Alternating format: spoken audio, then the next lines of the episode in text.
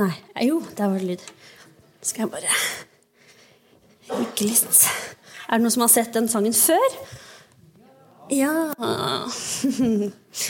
Jeg og Fredrik hadde TV-fri i januar, så vi hadde gleden av å se det her på fredag. Det var gøy. Så det er en ny opplevelse for meg. Det er sikkert gammelt nytt for noen. Sånn. Um, skal jeg finne fram her. Det er altså Bjørn Eidsvåg sin sang. 'Floden'. Og det var Emma Steinbakken som vi hørte og så her, som hadde tolka hans versjon. Det finnes en brønn, en kilde til liv, i min egen plass. Kjærlighet er navnet, og blikket blir klart ved det minste glass. Bjørn Eidsvåg han sier selv i denne episoden av Hver gang vi møtes, at floden er hans mest misforståtte sang. For det er mange som tolker den låta her til å handle om seksuelt begjær, lyster eller seksuell akt. Men med det Eidsvåg sier i minnet, så tenker jeg at den låta her den handler jo heller om kjærligheten. Guds hellige gave til oss, Den hellige ånd. Men finnes det altså fellesnevnere for sex og Gud til at det kan bli så misforstått som den låta har blitt? Det er ikke bare Eidsvåg sin sang det er ikke bare i Eidsvåg sin sang at seksualitet blir misforstått. Kirken har i lang tid skambelagt sex i et forsøk på å holde den ren. Samfunnet har opphøyd den som en gud, som selve meningen med livet. Og det er ikke så rart. For hvordan skal vi egentlig behandle den største og sterkeste drivkraften en menneskekropp eier, uten å misbruke den? Dens godhet har til hensikt å berike livet. Men likevel forteller Bibelen oss at vi ikke skal jakte på den for alt det er verdt. Det forteller derimot ikke samfunnet oss. Andrew Wilson han har skrevet en veldig interessant tekst om seksualitet. Og påpeker at i vår kultur i dag, i samfunnet vårt, det har et veldig paradoksalt syn på sex. I det ene øyeblikket så betyr sex alt. For hvordan kan man egentlig leve et fullverdig liv uten sex? Men i det andre øyeblikket så betyr det ingenting. For det betyr ikke noe hvem du har, eller hvor mange du har sex med. Som jeg tolker det da, så er sex selve meningen med livet. Det har ingen andre hensikter enn å glede de som bruker den. Utenom det å få barn, som er den åpenbare, men litt glemte og gjemte hensikten oppi det hele. Så hvorfor sier jeg det her nå? Starter hardt. Men historien har en tendens til å gjenta seg. Og når vi leser i dagens bibeltekst i 1. Korinterne 6, så finner vi kanskje et enda mer ekstremt eksempel enn det dagens samfunn presenterer. Å korintisere, det var på Paulus sin tid et uttrykk for prostitusjon. Fordi byen Korint den var kjent for sin seksuelle umoral. Avguden Venus og Afrodite regjerte i Korint. Og det var til og med egne templer hvor det jobbet og bodde prostituerte. Det var såkalt ville tilstander. Og med det i tankene så er det kanskje ikke så rart at seksualundervisningen drevet av Kirken opp igjennom har arvet litt av Paulus harde hånd. Fordi oppsummeringen av dagens bibeltekst det er ikke bare om seksualitet. Men det er til bunn og grunn at vi ikke skal stole på vår egen eller samfunnets forstand, dømmekraft, og vi skal hengi oss fullstendig i Guds vilje. Jeg kjenner at det moderne mennesket, vi alle i mer eller mindre grad, her i velferdsstaten Norge, er grøsseligt. Det lyser for meg sekt, giftig, hjernevask av de harde ordene. Men i ordspråkene 29,5 så står det den som er redd for mennesker, setter en snare for seg selv. Men den som stoler på Herren, har et vern. Og i Jakob 1,2-3 så står det Se det bare som en glede, søsken, for når dere, blir, når dere møter alle slags prøvelser. For, når, For dere vet at når troen blir prøvet, skaper det utholdenhet. Ouch! Fordi det er vanskelig å ikke ha menneskefrykt. Det er vanskelig å ikke ta med seg det samfunnet sier i møte med troen. Men når jeg tror at det er evangeliet om Jesus som er den sannheten som gir mening for meg Når jeg leser Bergprekten i Matteus 57, så møter det så mange av mine lengsler og mine spørsmål inni meg. Men hvordan skal de to versjonene møtes og forenes? Hvordan skal jeg klare å godta alle de andre sannhetene som kommer med evangeliet om Jesus, uten å måtte skape min egen versjon av kristendommen? Either you're in or you're out er litt sånn hardt. Enten så er du inne, eller så er du ute. Og når det kommer til sånne her vanskelige problemstillinger, som at du er kjøpt, og at du tilhører Gud, da må jeg finne ut hvordan det er det beste for meg, uten at jeg føler meg lurt. Uten at jeg føler at jeg lurer meg selv. I floden så synges det, og jeg føler meg redd for nåden og gleden du skjenker meg. Forunderlig, forunderlig. Er det ikke bare bra med nåde og glede? Og Når jeg leser dagens bibeltekst, så kjenner jeg også at jeg blir litt redd. Jeg vet ikke hvorfor Eidsvåg var redd, men jeg kan tenke meg at det handler om at nåden og gleden ikke er gratis. Hvilken liten skrift er det der? Den er gratis. Men vi må faktisk gi avkall på noe. For vi må gi fra oss nøkkelen til vår egen kropp, vår egen kontroll, og noen ganger våre egne viljer og lyster. Og det gjelder ikke bare det seksuelle, men det er det Korinterbrevet handler mye om. Det seksuelle. Men det handler om grådighet, det handler om andre typer begjær. Ved en tidligere anledning så skulle jeg skrive en tale. Jeg ble litt usikker på om, det var, eh, om jeg har sagt det her før, men det gir så mening, så jeg må si det en gang til. Jeg skulle skrive en tale, og så skulle jeg bruke ordet 'tilbe'. Og så ble det ordet rødt, og da tenkte jeg at jeg har gjort en feil. Jeg kan ofte slurve litt eh, og skrive feil, så jeg tenkte her er bare en stavefeil. Så høyreklikker jeg, eh, og så blir det retta til ordet 'tenke'. Og det ble et så tydelig bilde for meg på hvilken verden vi lever i i dag. Fordi vår øverste kvalitet, det er tanken. Og jeg undervurderer på ingen måte tanken. Jeg elsker å tenke og drodle, reflektere. Under studietiden så var jeg støl i armen, for jeg var den ene eleven som alltid satt med hånda oppe. Fordi jeg ville grave, jeg ville spørre. Jeg trengte å forstå. Jeg stilte alltid spørsmål, og det var utrolig deilig å, å kunne stille spørsmål og klare å trekke linjer. Vi har blitt så opptatt i dag. Så opptatt av å forklare alle former for særhet. Vi setter diagnoser, og de som mottar de, de kjenner at de er letta. For det er noen som kan forklare dem hvorfor jeg er som jeg er. For det er befriende med kunnskap. Vi skal ikke slutte med kunnskap eller å tenke.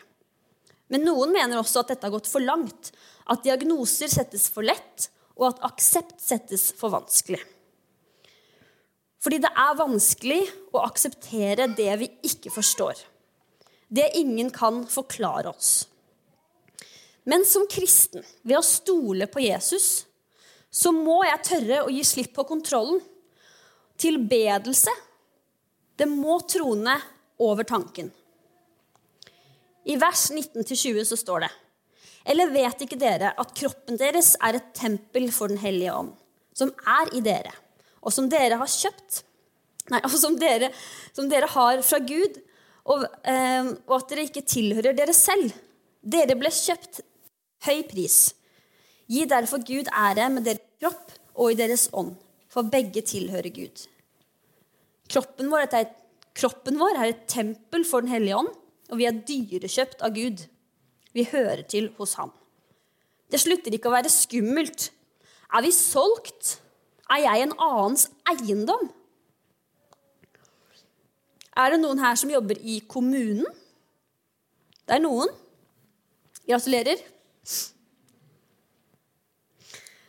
Kommunen kjører den strategien at eh, if you're in, you're in.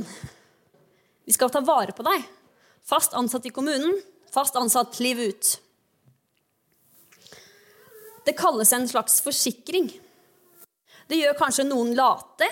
Det fins fordommer mot kommunalarbeidere. Jeg sier ikke det er dere. Fordi terskelen for å bli sparka er veldig, veldig høy. Du blir bare omskolert. Å være dyrekjøpt av Gud, det er vår forsikring. Det kan gjøre oss late, men det gjør oss i det minste trygge. Hei, Hugo. det krever veldig mye å stable en egen arbeidsplass på beina. Studietiden min for eksempel, det ble en slags arbeidsplass. Eh, den var prega av mye egenstudie, og jeg hadde elendig studiedisiplin.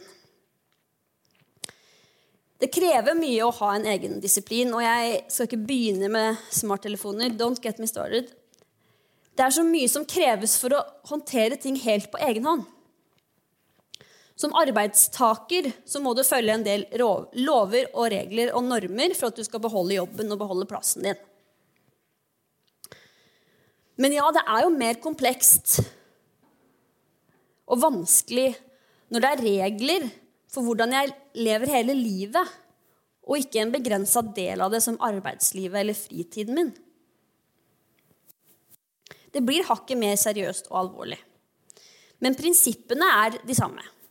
Vi har arbeidsgivere i ryggen, og vi har Gud i ryggen. Arbeidsgiveren din kan veilede deg, oppmuntre deg og få deg på rett spor. Forhåpentligvis så kan du lære noe av lederen din. Men du lærer ingenting dersom du ikke innrømmer at du mangler kunnskap. Du lærer ingenting hvis du ikke møter ny kunnskap med ydmykhet. Og Gud lærer oss gjennom Bibelen viktigheten av å la Den hellige ånd veilede oss, oppmuntre oss og føre oss på rett spor. Og det krever også at vi gir avkall på noe. En innrømmelse og ydmykhet. I vers 12 da vi fortsatt i 1. Korinterne 6, så står det Jeg har lov til alt, men ikke alt gagner. Jeg har lov til alt, men jeg vil ikke at noe skal ha makt over meg. Paulus skriver mye om seksualitet, som sagt, og hvordan det kan være støy for kommunikasjonen vår med Gud, hensikten med livet, og hvordan det kan få makt over deg. Livet slutter ikke etter sex. Derfor må det finnes mer mening. Verden prøver å håndtere seksualiteten ved å la den få et stort og bredt spillerom, men livet slutter ikke der. Vi har blitt gitt en velsignelse og en utfordring ved å motta den seksuelle gaven. Og den skal nytes, og den skal bevares. Vi har blitt gitt en velsignelse, en utfordring, ved å motta penger her i Norge. Vi har blitt gitt en velsignelse og en utfordring ved å motta materielle goder. For hvordan skal vi håndtere den største og sterkeste drivkraften en menneskekropp eier, uten å misbruke den, uten å forkaste den? Ved å se at vi også har blitt gitt den største og den sterkeste drivkraften Gud og verden eier. Mennesker består ikke bare av kropp. Deres kropp og deres ånd tilhører Gud, står det i vers 20. Den hellige ånd hjelper oss å la ånden være kontrollpanelet. Jeg innleder med å si finnes det fellesnevnere for sex og Gud? Eh, jeg skal ikke dra det altfor langt, men, men ja. Utrolig nok gjør det det, men ikke på en seksuell måte, men med hensikten i de begge.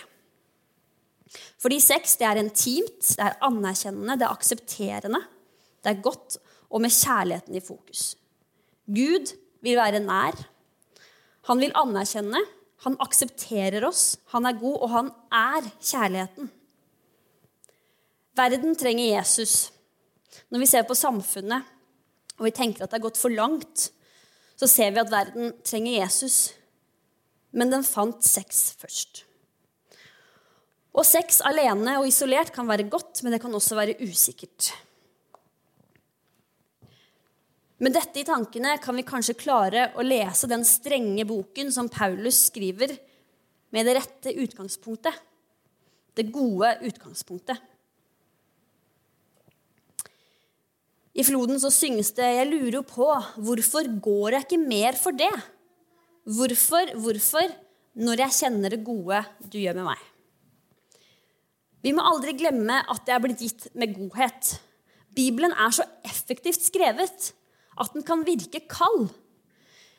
Men vi må huske at det er den gode, den rene intensjonen den kommer med. Så da er det bare godt da, å stille kroppen min til disposisjon for Den hellige ånd.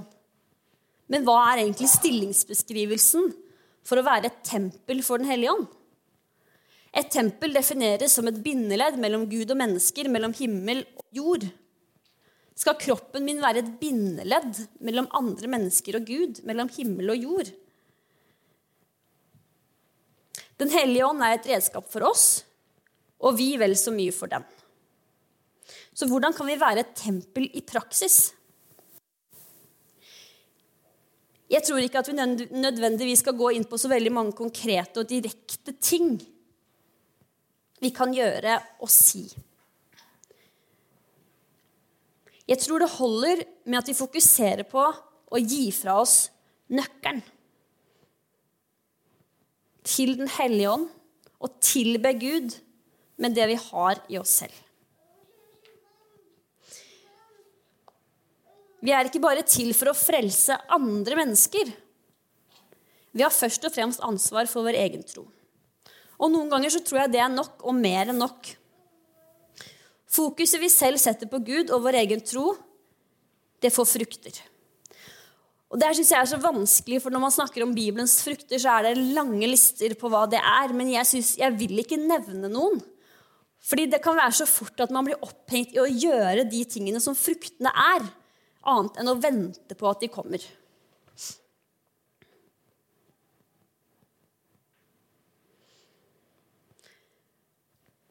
Men jeg vil likevel nevne at den måten å leve livet sitt på, som et tempel for Den hellige ånd, det vil gi positive resultater. Det står her.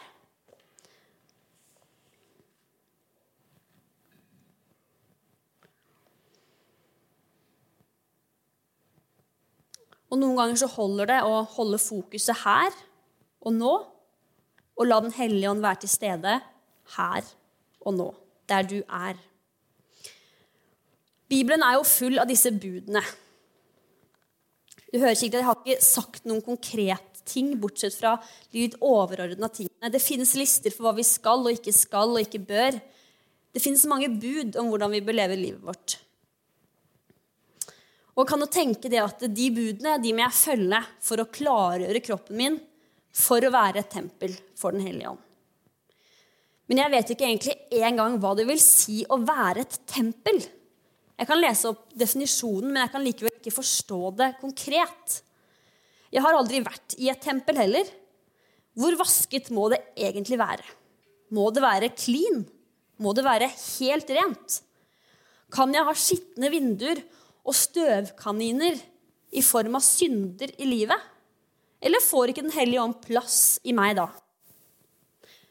Må jeg være helt, helt ren? Og hvordan skjer det? Bedragersyndromet, har dere hørt om det før?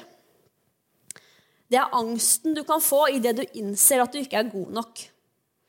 Jeg vet ikke om du har på, uh, hatt en jobbsøkerprosess. De fleste har sikkert hatt det, hvor du sender inn en søknad du kommer på et intervju, du selger deg inn alle de gode egenskapene dine. Så går du hjem, venter, så får du en telefon. 'Hei, vil du ha jobben hos oss?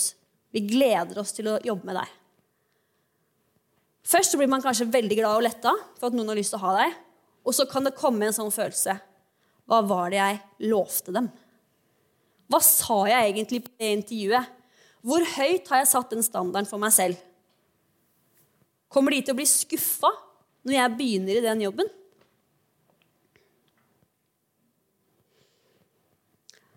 Og hvorvidt man skal informere en arbeidsgiver om det, det vet jeg ikke. Men ærligheten er viktig for deg, og den er viktig for troen din. Fordi det å hengi seg, det å si at man tilhører Gud, det betyr ikke å dø innvendig. Men det er å gi slipp på egoismen, det selvsentrerte, Og det er å innse og anerkjenne at jeg er ikke god nok i meg selv, for så å oppleve det som en enorm frihet. Jeg har lyst til å lese eh, Det er ikke et bibelvers, men det er en forklaring i studiebibelen om nettopp renhet.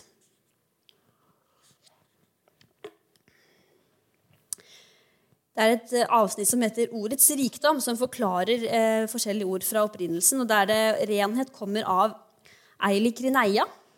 Ordet er oversatt 'dømt av sollys'. Ordet henspiller på orientalske basarer, der leirvarene var utstilt i svakt opplyste rom. Skruppelløse kjøpmenn stilte ut leirvarer som sprekker, med sprekker, eller de dekket over manglene med voks. Intelligente kjøpere holdt leirvarene opp mot solen og bedømte kvaliteten i solskinnet. Eili Krineia er gjennomsiktig oppriktighet, ekte renhet, manifestert klarhet og ubesmittet skyld, uskyld. Det beskriver en som ikke frykter for å få motiver og intensjoner grundig undersøkt, fordi han har ingenting å skjule. For å starte et sted, som en handling, og klargjøre seg, stille seg frem som et tempel for Den hellige ånd, så er det å gi fra seg nøkkelen. Og hva det kan bety i praksis. Slik som erkjennelsen på mangel av kunnskap kreves for å lære nye ting, så tror jeg vi kan starte med noe som er veldig sjeldent gjennomført, egentlig, men synsbekjennelse.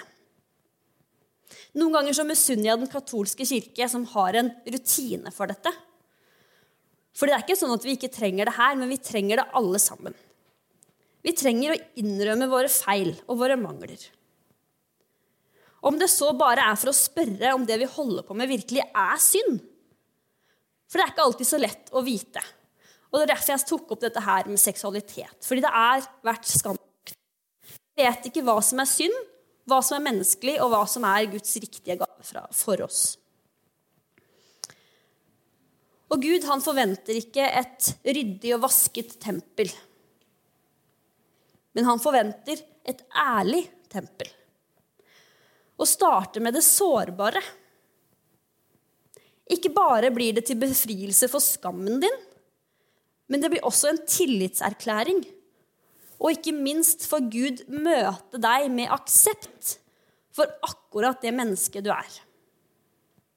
Fordi hvis ikke du kan være et tempel for Den hellige ånd, så kan ingen andre det heller. I vers 7, innledelsen av kapittel 6, så skriver Paulus Det er allerede et stort nederlag for dere når dere går til rettssak mot hverandre. Hvorfor kan dere ikke heller finne dere i å lide urett? Hvorfor kan dere ikke lide tap i stedet?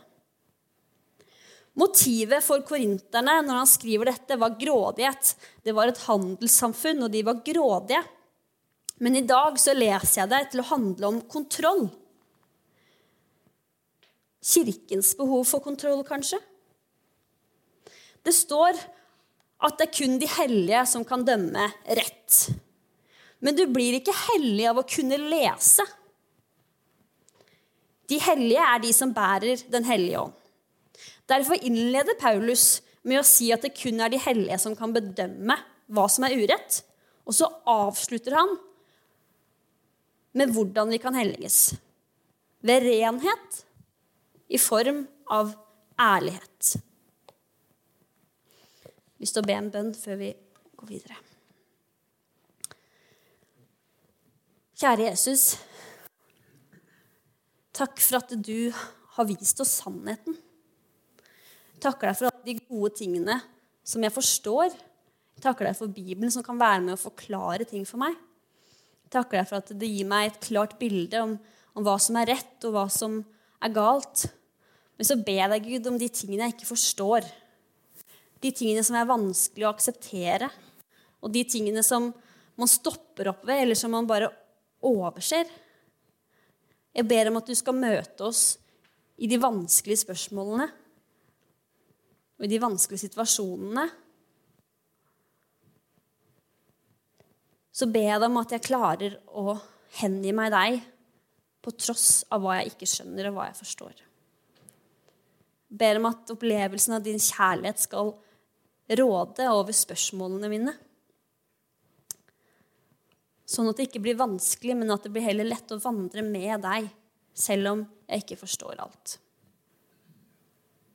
Jeg takker deg, Gud, for at du kommer til å være med oss i uka som kommer. I spørsmålene som kommer. I svarene som kommer. Amen.